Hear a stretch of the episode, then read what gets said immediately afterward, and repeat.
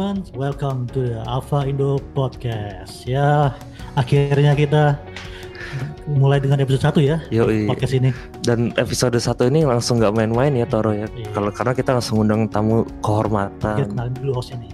tamu dulu. spesial. Oh, oh dulu. iya. Iya, tadi kan host amatiran ya. Oh iya. Jadi langsung narasumber. Kita kenalin. Ya. Ya, sama gua Toro dan teman gua di sini ada. Iman. Oke, kali ini kali ini kita mau ngapain, Man? Kita mau ngobrol dengan tamu spesial nih guys. Jadi wah, ini spesial banget. ini. ini spesial sangat amat sangat spesial terutama buat Ava Indo ya karena eh, narasumber kali ini punya eh, andil besar lah dalam sejarah Ava Yes. Indo asik. Apalagi basicnya nih kalau kalian ini apa namanya? pendengar musik emo punk 2000-an. Iya, terutama- skater gitu-gitu. Terutama Blink dan apa ya. Yes, Pak, siapa sih nggak kenal sama sosok satu ini? Yoi. Sambut aja. Apa gimana? Langsung dong. Sambut aja ya. Kita sambut. Sambut aja. Opa Yopi. Halo Opa. Halo, Opa. malam kalian kurang deket Mal. jadi kelihatan Kurang deket. kurang mukanya dekat ya? iya distancing kok. Enggak apa-apa. Gini Enggak. lebar kok. Kita lebar. nah, Nah. gitu. Halo Opa Yopi. Halo Opa Yopi. Gimana kabar Opa? Indonesia apa kabar tadi tuh siapa namanya Saya Iman. Saya Toro. Toro sama Ima Nah, Iya. Iman Iman ya Iya, Iman. Iman Opa. oke Iman sama Toro Apa kabar Opa? puji Tuhan sehat kalian gimana Mantap. Alhamdulillah. Puji Tuhan sehat juga. Nah, Opa lagi di mana sekarang Opa? lagi di Bandung posisi lagi di Bandung udah Oh. Pindah dari Bali. enggak Oh. Karena rumah juga masih ada di Bali usaha juga masih ada Hmm. di Bali. jadi ya ke sini cuman pengen ada suasana Bisnis. yang beda aja ya Asik. Oke. Semoga Opa sehat-sehat terus ya. Amin. Amin sama-sama eh, Oke, Opa lagi sibuk apa sekarang nih? Sibuk, ya masih lah dengan hobi. BMX ya Opa ya. Ya, karena dulu sempet vakum sih enggak, cuman karena sibuk dengan yang lain, terus karena kondisi juga kayak gini sekarang semua Hmm. bisnis semua drop. Jadi ya saya balik lagi ke ke hobi saya. Lebih ada waktu banyak lah untuk di hobi saya. Hmm. Jadi selain main sepeda, ngajar, eh, ya bikin event, Widih. Ajar apa Opa? ngajar sepeda. Oh, apa-apa itu mulia. Ya ada sekolah lah. Nah. Nggak ada sekolah sepeda. Nah, eh, kenapa sih Opa punya ketertarikan sendiri nih sebelum kita bahas ke topiknya? Ya, kita ngulik Opa dulu nih. Kenapa Op- Opa demen banget sepeda BMX sih? Padahal kan kalau sekarang tuh rata-rata sepeda apa sih taruh? Eh, Sepeda lipat. lipat, ayo. sepeda ya Nah, atau apa yang lagi rame itu kemarin? Road Itulah bike. pokoknya. road eh, bike, road bike. Road bike. Ya, Oh, apa Iya, Iya, kenapa Opa itu sih? Iya. stay to BMX dari dulu gitu kayak saya main BMX era 80, 84, 85 lah ya. uh Baca berapa tahun tuh? 35 ya? 20 35 tahun lah. iya Segituan. Dulunya sih cuman buat transportasi aja. karena dulu ke sekolah naik itu apa BMX Ya, dulu sekolah naik sepeda karena buat mengurangi beban biaya dari orang tua gitu. Hmm. Itu Tapi aja. sekarang BMX sekarang kalau saya lihat di IG-nya Opa Yopi itu kayak jadi suatu ini ya Opa movement sendiri nggak sih Opa? Eh, di luar negeri. eh, dari ya apa ya bisa menginspirasi hidup saya lah dari sepeda itu gitu kan. Hmm. Kalau kalau simpelnya beginilah kalau kita belajar satu trik di sepeda kan ada jatuh Hmm. proses sampai trik itu bisa dikuasai ya di dalam hidup juga sama pasti ada ada di atas ada di bawah semua proses Betul. gitu Tapi kan kalau BMX kan beda ya. Misalnya kalau road bike atau Brompton gitu kan, misalkan dia di jalan gitu. Eh, kalau BMX kan kayak ada rintangannya sendiri apa ya kalau nggak salah ya. Betul, karena sepeda itu kan banyak. Ada yang, Hmm. yang dikasih tahu, yang dibilang tadi sama kamu ada road bike gitu kan. Road bike itu kan Hmm. sebenarnya juga eh diperta- diperlombakan juga gitu kan di di, Hmm. di arena ataupun ada di ada di rute gitu kan kayak misalnya Tour de France gitu kan itu kan melalui Ah, betul. melalui rute yang sudah dipersiapkan gitu. Kalau BMX ya mainnya ya di di di arena yang sudah Di dibikin sana. oh mungkin bermain di jalan gitu loh jadi fasilitas Betul. eh, kita kita pakai gitu Oke, cakep. Jadi kita ngomongin BMX ya nggak apa-apa. ya, Tapi biar kenal Opa Yopi lebih dalam gitu kan nama ya IG lebih lebih lebih kalau kalau di kalau di komunitas mungkin lebih orang-orang taunya Yopi BMX gitu ya Hmm, ya betul. saya main BMX dulu sebelum terjun di di bisnis Mantap. Nah kalau Opa tertarik bisnis tuh dari kapan sih Opa? eh sebetulnya dari kecil dari mungkin Hmm. ya usia dini lah jadi Hmm. Uh, saya masih ingat dan dan ini tidak akan pernah lupa ya karena Hmm. pada, pada kalau di kalau di Indonesia kan begitu bulan puasa biasanya kan banyak jual petasan gitu ya Hmm, betul. Gitu.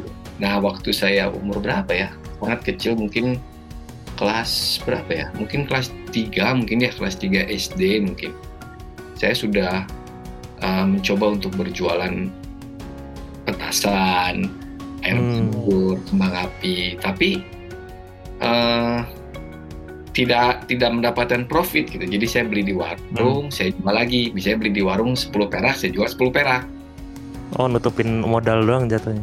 Iya betul dan pada saat itu ayah saya bilang kamu ini bukan jualan namanya karena kamu nggak dapat untung gitu. Tapi eh, orang tua saya tidak tidak apa ya tidak tidak langsung menyetop itu gitu. Jadi mem- mem- memberikan motivasi pada pada saya.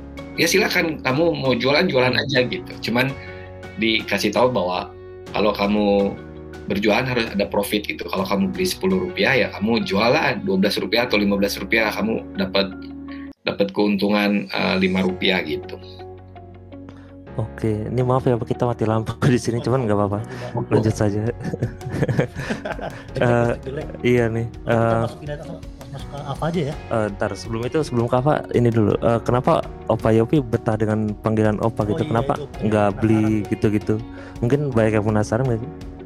Eh, sebetulnya kata opa itu seingat saya muncul pada saat saya sudah di Macbeth, seingat saya. Hmm. Karena sering lupa, akhirnya eh buka saya saya nggak mau panggil dia sebagai staff atau pegawai saya ya tim saya pada saat itu panggil saya udah aja panggil aja opa aja orang Shopee mah pelupa gitu kan pikun Oh. ya memang memang saya memang memang pelupa gitu jadi muncullah kata-kata itu gitu opa ya seingat saya sih itu gitu nyambung kayak kalimat tadi eh, apa tuh megang Macbeth dari in, Mac- Macbeth Indonesia tuh dari tahun berapa sih apa? Iya. 2003 kayaknya ya saya lupa juga Oh, karena Mac- awal-awal banget ya. Ya Macbeth itu kan dibikin 2002 kayaknya ya Iya. 2000, Hmm, betul. 2002 ya jadi saya Iya, betul. Ya Betul. pegang itu 2003 kayak 2000 ya Oh, udah saya- masuk ke Indonesia pada John.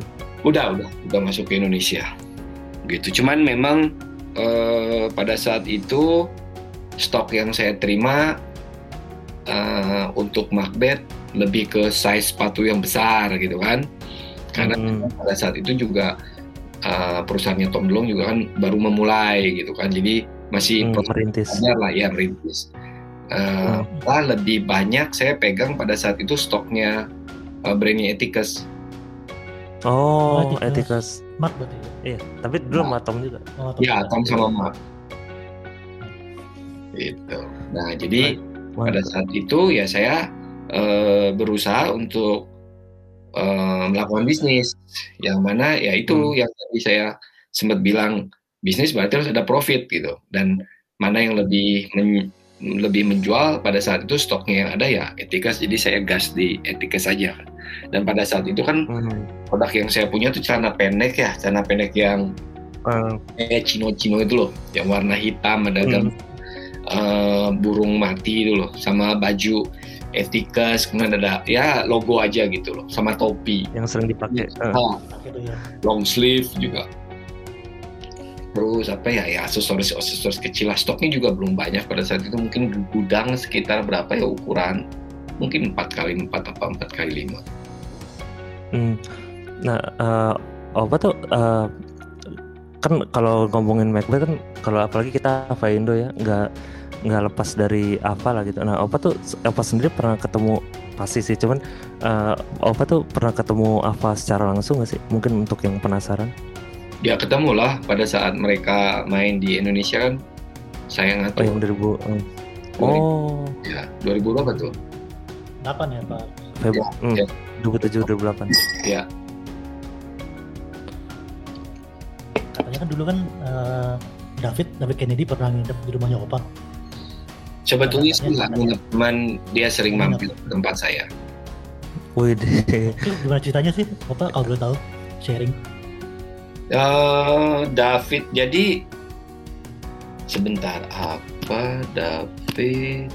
Eh, kalau seingat saya setelah setelah Angel and Airwave main di Indonesia dan hmm, eh, stay di Bali ya. Jadi mereka tuh datang dulu ke Bali ke kantor Macbeth Indonesia kemudian baru show di Jakarta hmm, Iya. nah saya hanya ketemu di Bali tuh mungkin hanya hitungan jam aja hmm, Oke. sama mereka. Habis itu saya harus terbang ke Jakarta karena harus mempersiapkan konsernya Ava di tenis indoor. hmm. Kemudian ada meet and greet juga. Jadi cukup padat waktu itu. Nah, habis itu mereka datang ke Jakarta, saya urus semuanya, meet and greet dan lain-lain sampai dari Ava Indonesia juga eh, saya invite dan beberapa teman-teman untuk ketemu. Eh, ya ada ada rules juga lah eh, sebagian dari, dari pihak promotor. Kemudian saya urus, saya ketemu lagi dengan Ava, saya Hmm. bicara juga dengan Tom, itu hanya di lift aja, Oh, Oh. Di lift tuh loh, di hotel lagi. Itu tuh di Hotel Mulia. Habis itu mereka pulang.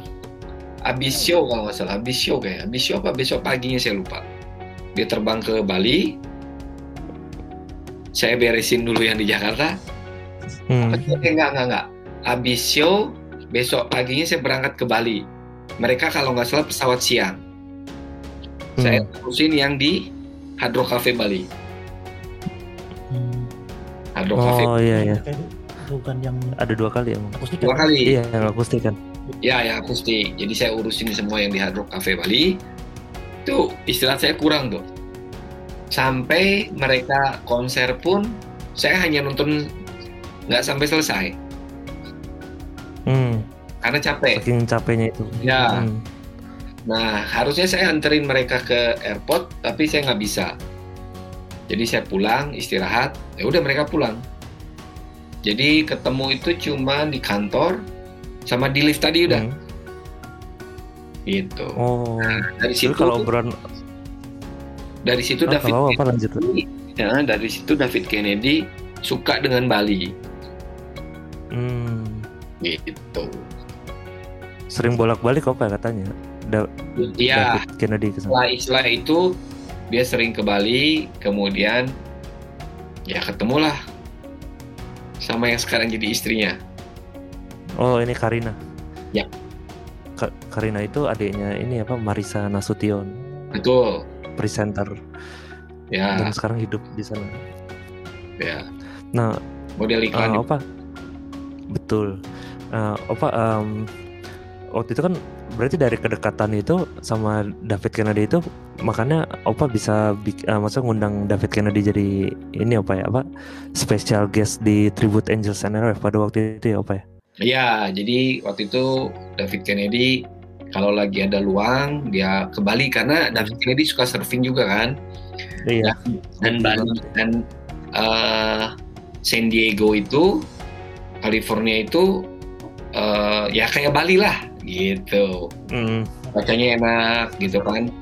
Ya, jadi atmosfernya nggak beda jauh lah gitu. Jadi Hmm.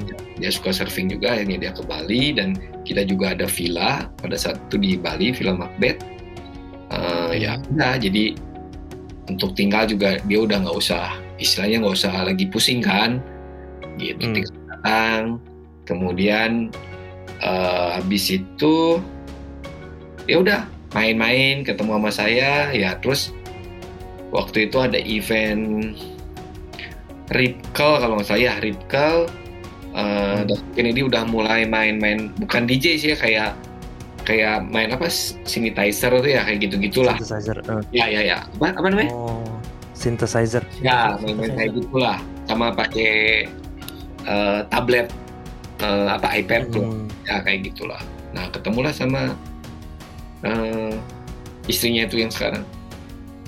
Oh, Mbak Karina. ya Karina. Nah habis itu baru dah dia dia ke Indonesia. Ya udah saya bikin satu gigs satu gigs gitu. Jadi at least biar biar ada ya istilahnya buat gantiin dia ongkos lah gitu. Hmm. karena kan lumayan juga ongkos ke sini. Iya sih. Dan tapi eh, maksudnya si Davidnya nggak nggak banyak protes gitu ketika diundang ke maksudnya dia mau-mau aja gitu datang ya nggak ada masalah. nggak ada masalah. Eh, malah sangat- senang apa ya ya sangat welcome. Eh, jadi ya udah pokoknya diaturin aja gitu loh. Paling eh, oke kita ada gigs nih kita bikin gigs ini gini gitu. Udah gitu. Seneng seneng aja. Hmm. David ada respon sendiri nggak sih Pak? Ngomong ke Pak, eh eh, ternyata fans apa di Indonesia gimana sih? Eh, pernah ngomong gitu nggak Pak? Eh, yang pertama waktu dia di Bali kan stay-nya kan nggak pernah sebentar. Stay-nya lama kan ya. Hmm. Eh, jadi eh, kalau ke mana-mana biasanya eh, tanya saya gitu kan. Hmm. Nah, contoh misalnya dia mau mau mau mau terbang ke Indonesia dia bilang "Eh, Yopi saya mau datang ke Indonesia tanggal sekian tanggal sekian gitu. Saya perlu kendaraan. Nah, biasanya saya siapin gitu kan sepeda motor. Dia kan suka suka motor gitu. Motor iya. ya eh, terus ya udah gitu kadang dia kan mungkin nggak mau ngerepotin ya udah saya ambil di rumah gitu kan ya udah jadinya tahu tahu ya ya lumayan sering lah main ke rumah gitu kan sempat juga waktu saya ulang tahun juga dia datang gitu Wih, ke rumah makan ngobrol banget sih. Kapan lagi gitu? Ya. jatuhin nama David Kennedy, iya. Kalau Terus- pingsan kali. ya kalau perihal Alfa Indonesia dengan produk Macbeth ya eh, dia sih cukup apa ya surprise lah buat dia gitu kan karena Hmm. nggak nyangka gitu kok bisa bisa sebesar ini gitu kan sampai ada Alfa Indonesia kemudian ada Griffon Army dan lain-lain Hmm. gitu Dan apa ya? Maksudnya dia kayak seneng aja gitu. Ya. Dan itu kan berujung ke ini apa? eh, salah satunya yang band Indonesia yang pernah berkolaborasi sama. David Kennedy tuh yang manggung bareng. ya satu Iya, stage ya. Mm-mm. Itu itu gimana ceritanya Opak? Bisa manggung bareng gitu. Ya sebetulnya kan waktu itu saya bikin apa ya? Saya lupa ya. Bikin Yang Rock Revolution itu apa ya? ya eh enggak yang Rock Oh Revolution. bukan. Dia main di mana ya? Main di outdoor kan? Hmm. Hmm, yang bareng sama si eh iya, main dia sama siapa ya? Saya lupa ya ya. Habis gitu kan main yang di yang sama itu kan sama band Indonesia kan? Band Iya, yang melodrama itu. Melodrama. Ya, itu tuh acara apa ya? Saya lupa ya. Di Kayaknya saya- di Ancol atau apa? Enggak, di apa sih? Di Green Green Green Beer Green apa? Oh itu yang tribute apa?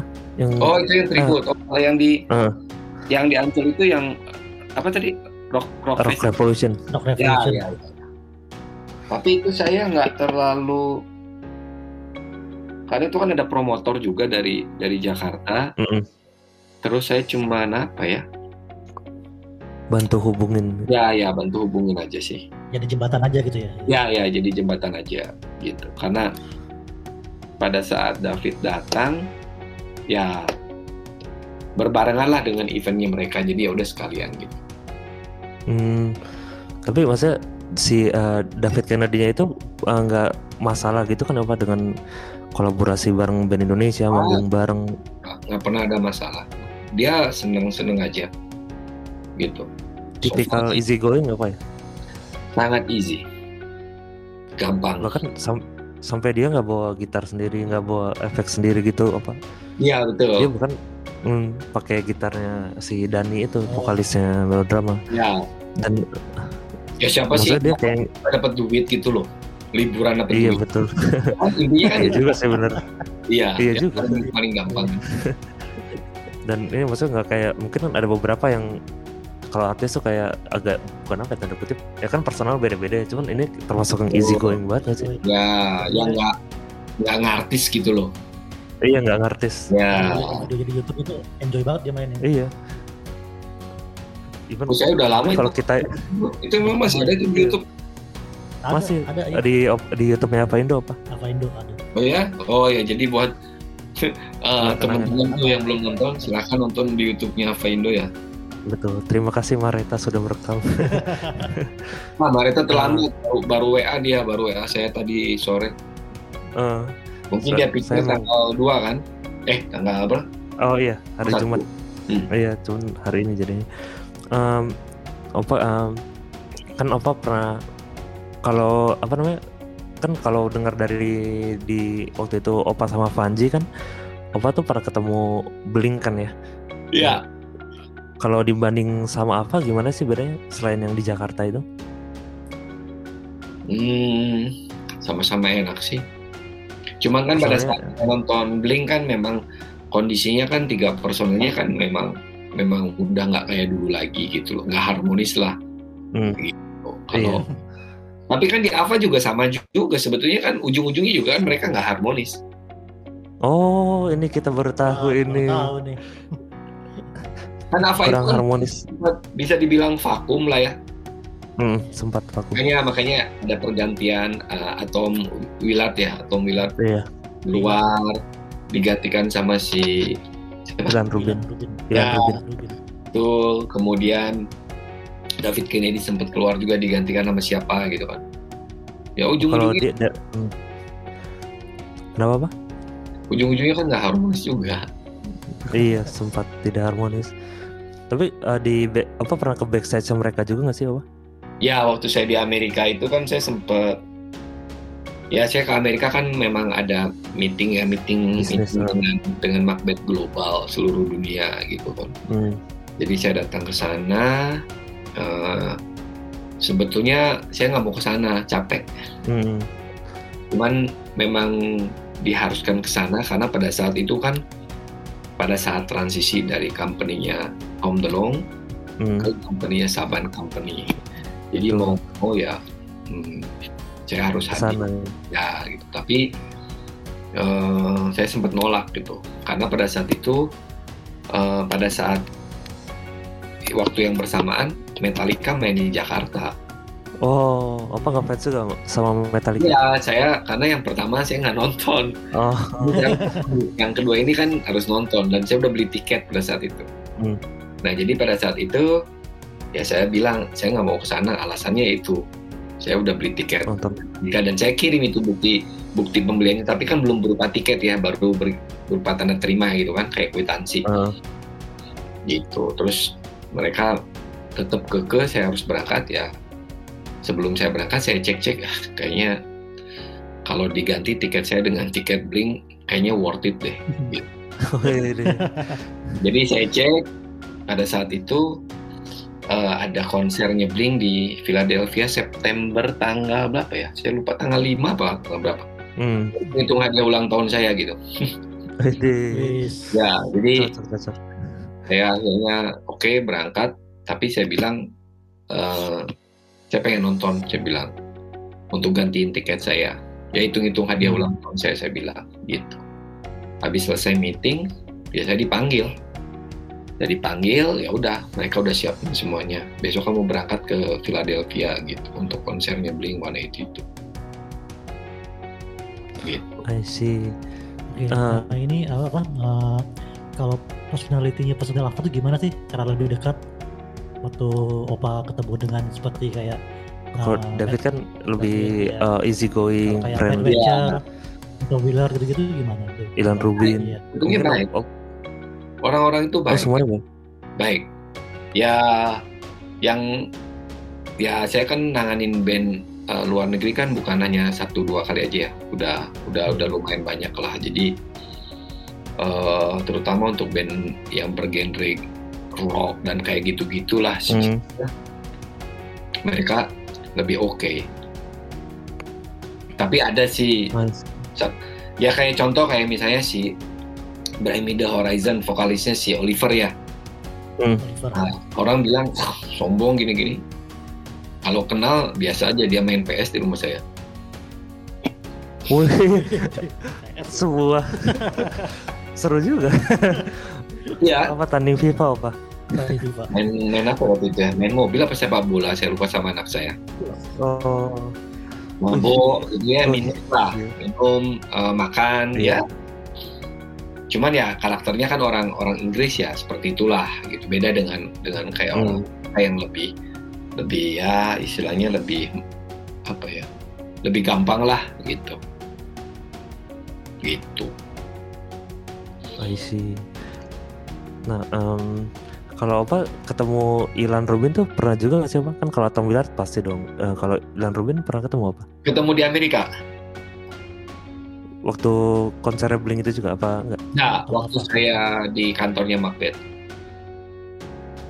Nah, itu kan kalau orang mandang dia tuh kayak cool tapi apa ya introvert yang mungkin nggak kan kalau Tom kan kayak lebih apa sama penggemar tuh kayak nyambut banget nah kalau Ilan kan lebih introvert tapi bener gitu nggak sih apa Ilan secara langsung gitu Enggak juga sih. apa Kan pada saat itu juga ketemu saya sama saya juga kan cuma sebentar ya. Dia cuma mampir. Ya aja saya hai aja sih yang ngobrol gitu kan saya tanya gitu. Udah biasa aja sih. Ya kayak ya biasalah.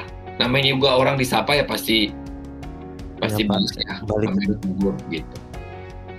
tetep aja sih itu kayak Iya. deg-degan kalau saya sih apa Ya itu saya menempatkan diri bahwa saya bukan sebagai fans, bukan sebagai oh Jadi ya seperti ya seperti orang biasa aja gitu loh. Jadi tidak Hmm. melihat, "Wah, kamu artis gitu enggak.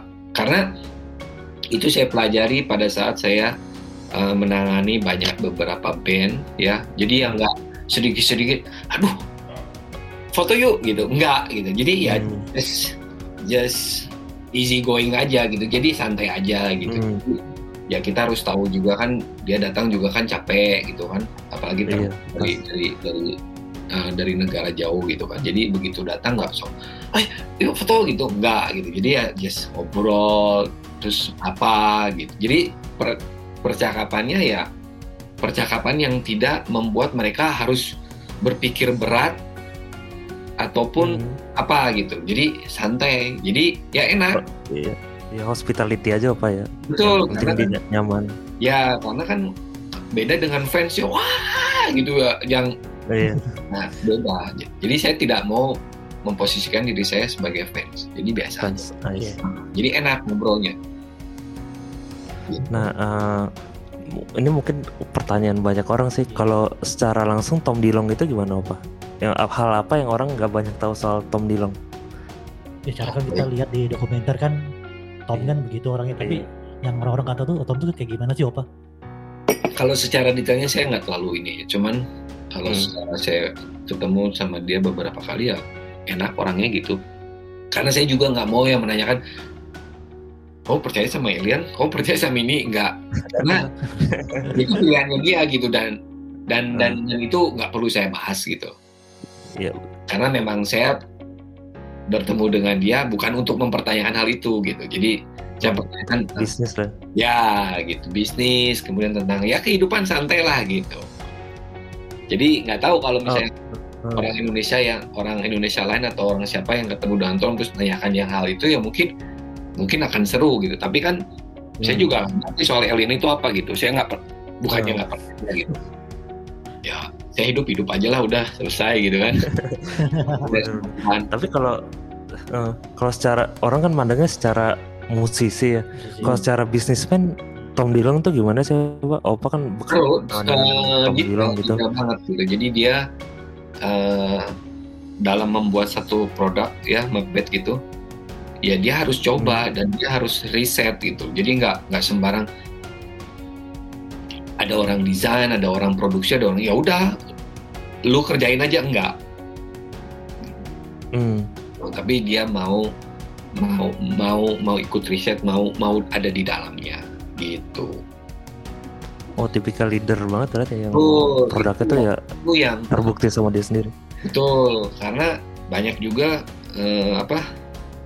Ya maksudnya teman-teman kita yang punya usaha terus ya udah gua mah bos ya udah bos aja gitu ya.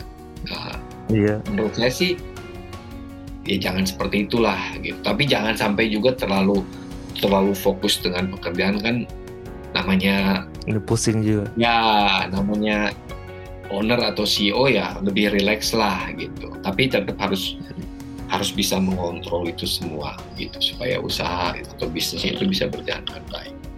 Gitu. I see. Nah, eh, tapi eh, Opa sendiri itu ngefans dengan Blink atau apa nggak sih Opa? Dalam personalnya Opa. Baratista. Waduh, Aduh. Demen ya. Ternyata. Nggak apa-apa, nggak apa. Enggak lah Tapi bercanda. kalau Kalau apa-apa juga Opa. kalau- apa ya? kalau apa? Kalau ngefans ya ngefans ya ya suka aja gitu masuk eh, lagu-lagunya yang yang simple energik gitu nggak nggak Hmm. gitu loh itu aja sih I see.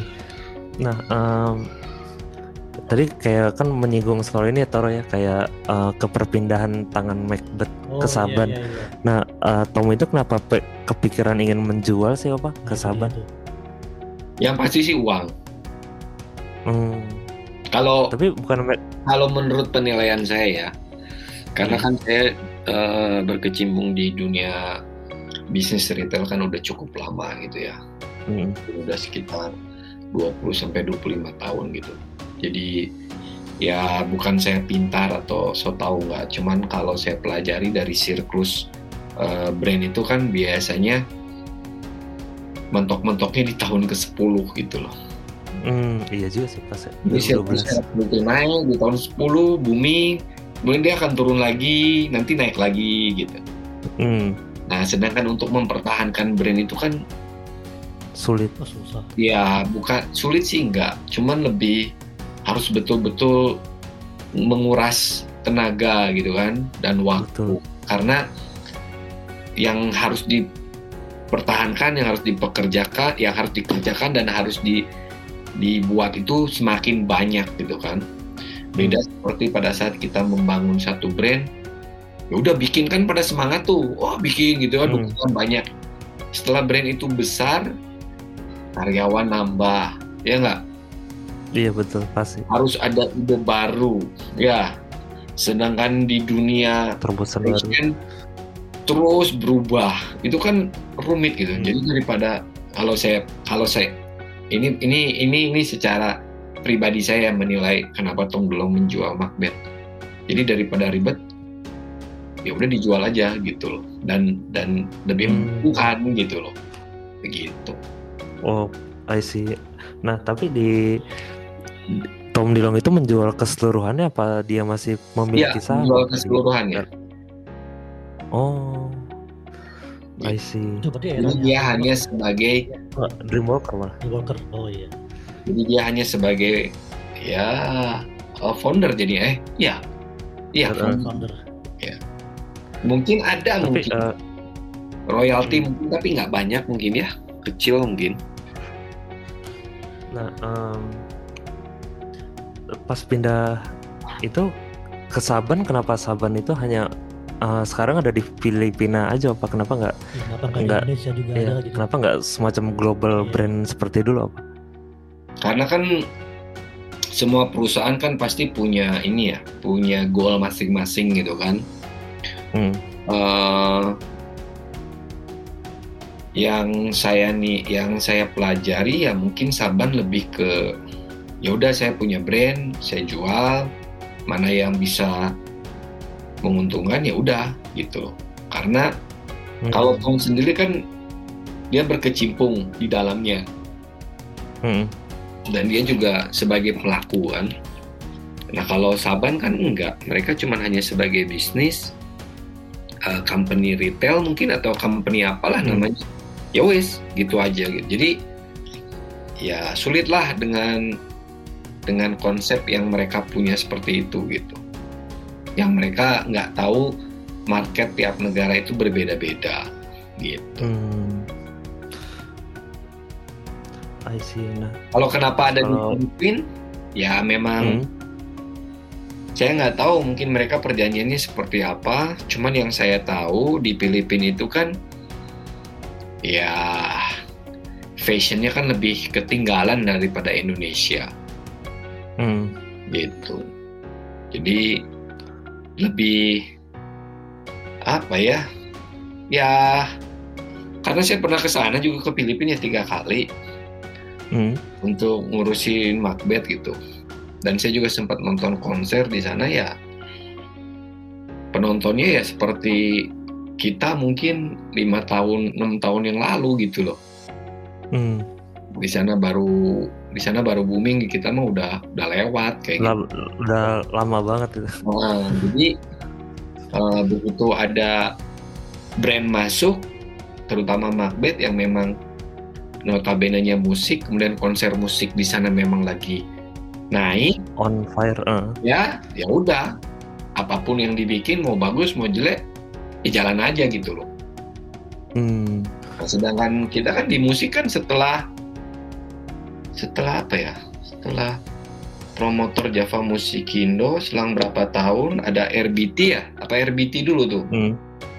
Nah, habis itu kan udah nggak ada musik lagi kan? Setelah Iya, ya agak turun. eh. ya. maksudnya nggak ada konser lagi kan? Mulai turun gitu kan?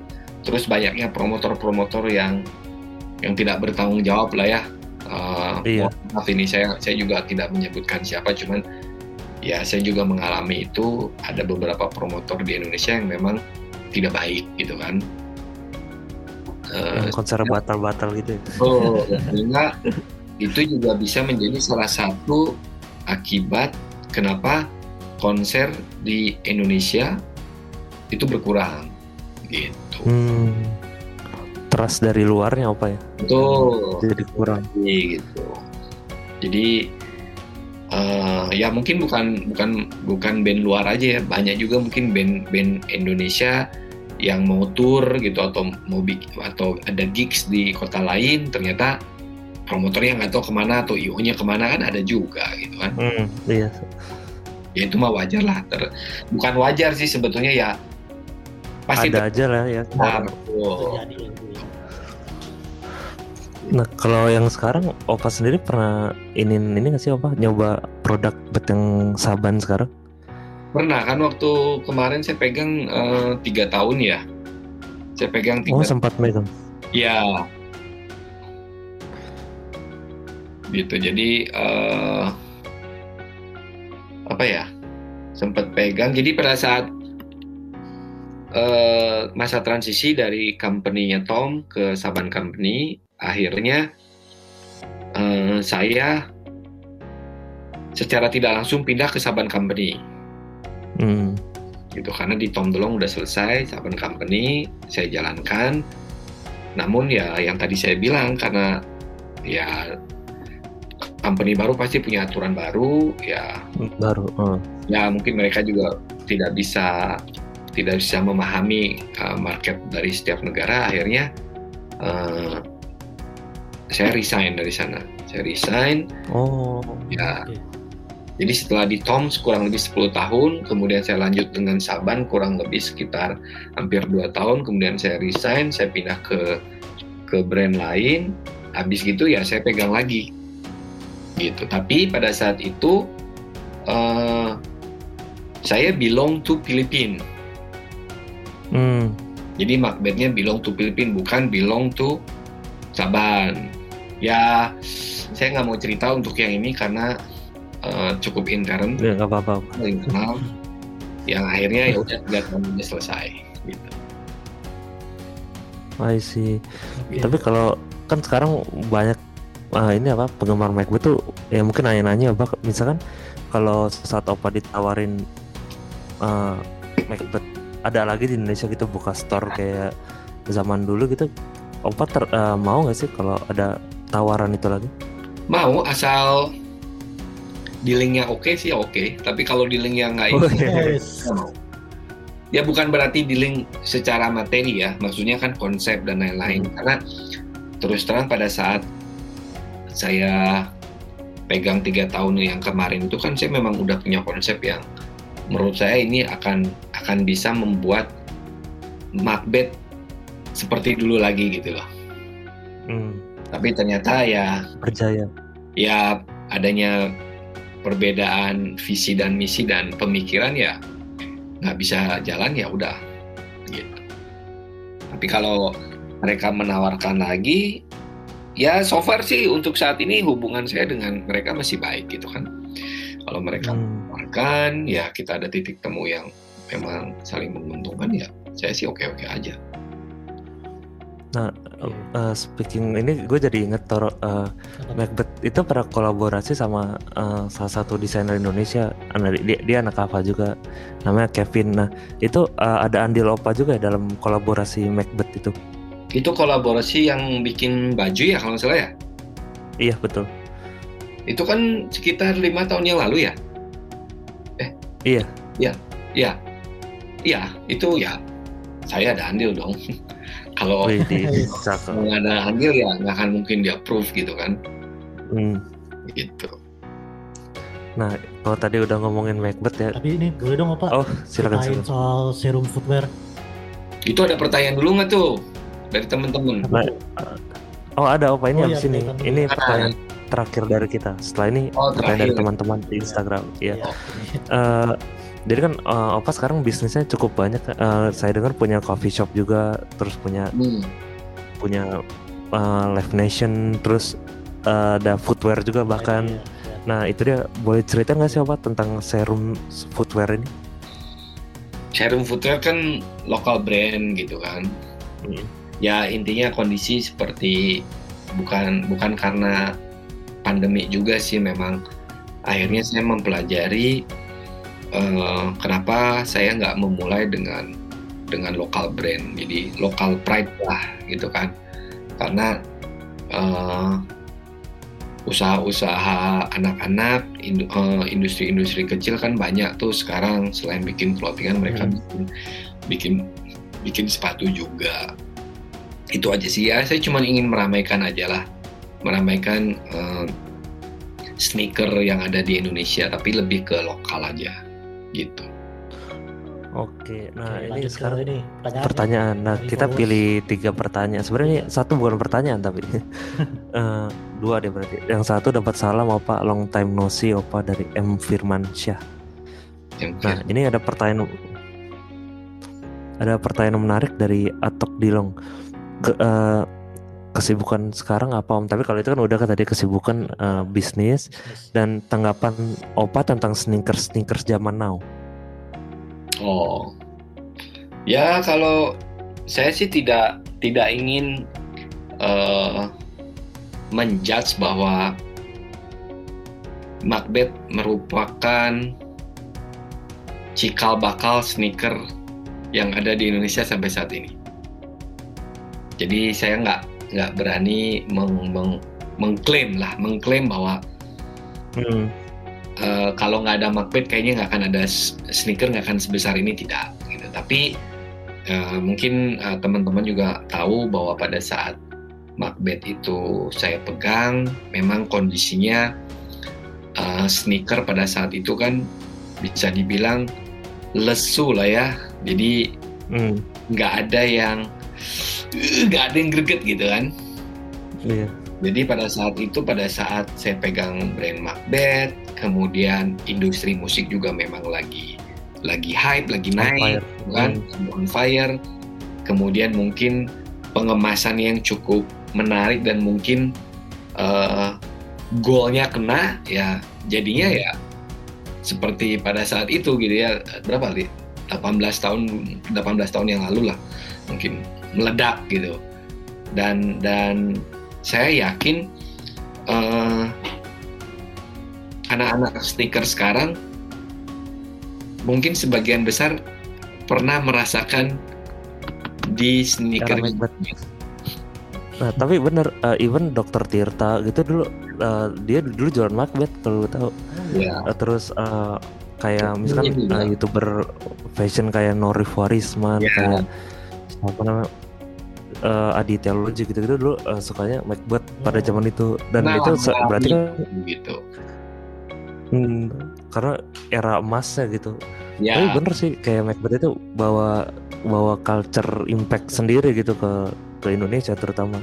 betul. Cuman kan eh, karena ya kalau sekarang kan sosial media lebih lebih luas ya, nggak kayak dulu gitu kan. Dulu juga waktu adanya Instagram awal-awal kan cuman hanya bisa di iPhone saja gitu kan.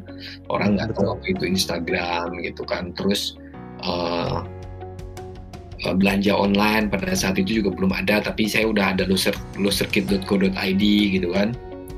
Eh, ya saya sih eh, ikut apa ya, ikut bangga aja gitu loh bahwa bahwa ternyata eh, saya ada ya kita gitu ya, saya dan teman-teman dan eh, dari Ava Indo maupun dari Griffon Army ya ikutlah. Ikut apa ya ada ada ada pengaruhnya lah gitu. Banget sih. Dan ini sebenarnya tadi dari yang pertanyaan tadi juga banyak ini apa dari teman-teman. Cuman yang ini terakhir eh, dari Agung Agung PPN wah pajak. Eh, sebenarnya ini udah dijawab tadi ya, alasan Opa kenapa udah nggak masukin Macbeth lagi ke Indo? Terus stay safe dan healthy Opa. Hmm, thank you. Sebenarnya udah dibalas sih tadi. Mas, tadi ya, nah, nah itu mau tahu jawabannya apa langsung aja dengerin nanti di tanggal mainnya. Oke. Oke, itu dulu perbincangan kita dengan Sudah banyak banget sharing Oh, menarik dari Opa. iya yang banyak banget yang ternyata kita baru tahu gitu.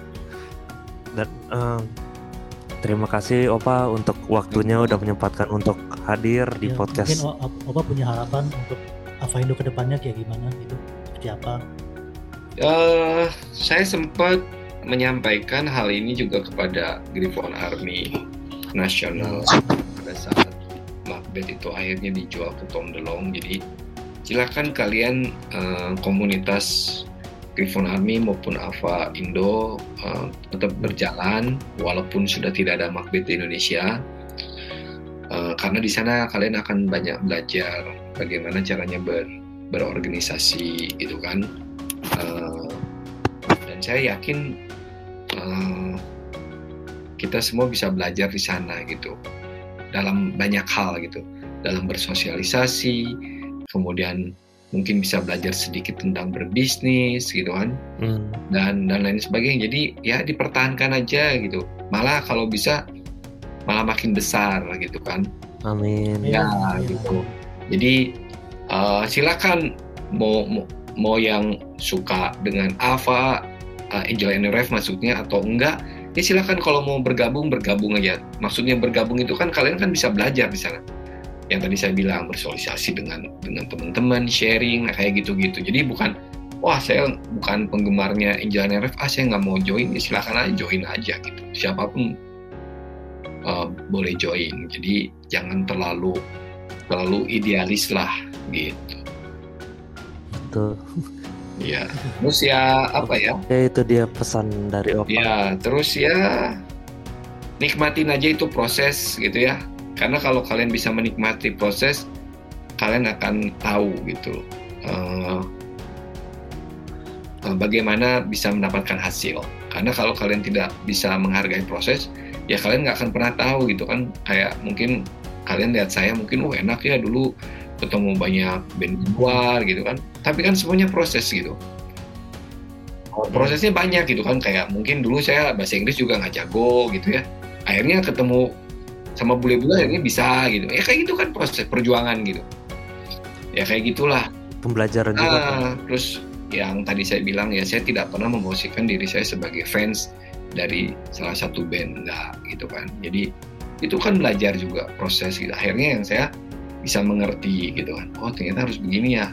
Kalau kita jadi artis juga kita juga nggak mau kayak gitu kan. Ya kayak gitulah. Iya sih. Betul. Eh, sudah eh, Ya, terima kasih banyak Opa untuk Iya, kesempatannya makasih hari banyak, ini. Atas waktunya. Sama-sama. Ini kehormatan banget buat Hmm. eh, apa Indo. Kalau misalnya ada pertanyaan Sudah, lagi, ini kan maksudnya oh, hmm, boleh ya ditanyakan ke Opa ya. Iya. Kalau ada pertanyaan lagi boleh ya. Tanya ya, Opa. ya, jangan mendadak aja. Siap. Terima kasih banyak Terima kasih Opa. Bapak. Terima kasih banyak. Oke untuk uh, humans yang mau Ya. itu dia uh, episode pertama apa Indo yang panjang dan seru gitu kita ngobrol iya. sama Opa dan semoga kalian suka dengan podcast ini dan terus dengerin episode berikut-berikutnya karena ada yang seru ya, gitu. Ya. betul tapi kan uh, episode pertama tuh selalu pembuka yang harus yang epic dong Epic. nah makanya kita ngundang Udah Opa yuk. Yoi. Dan Opa ini eh, kami berikan apa ya eh, kehormatan untuk membuka Iya. episode ini. Oke, Oke. see you See you next episode. Next week. Ya, Thank you. sukses ya untuk episode-episode berikutnya. Amin. Ya. Ya. Thank you Opa. Thank you, Pak. Yo, sama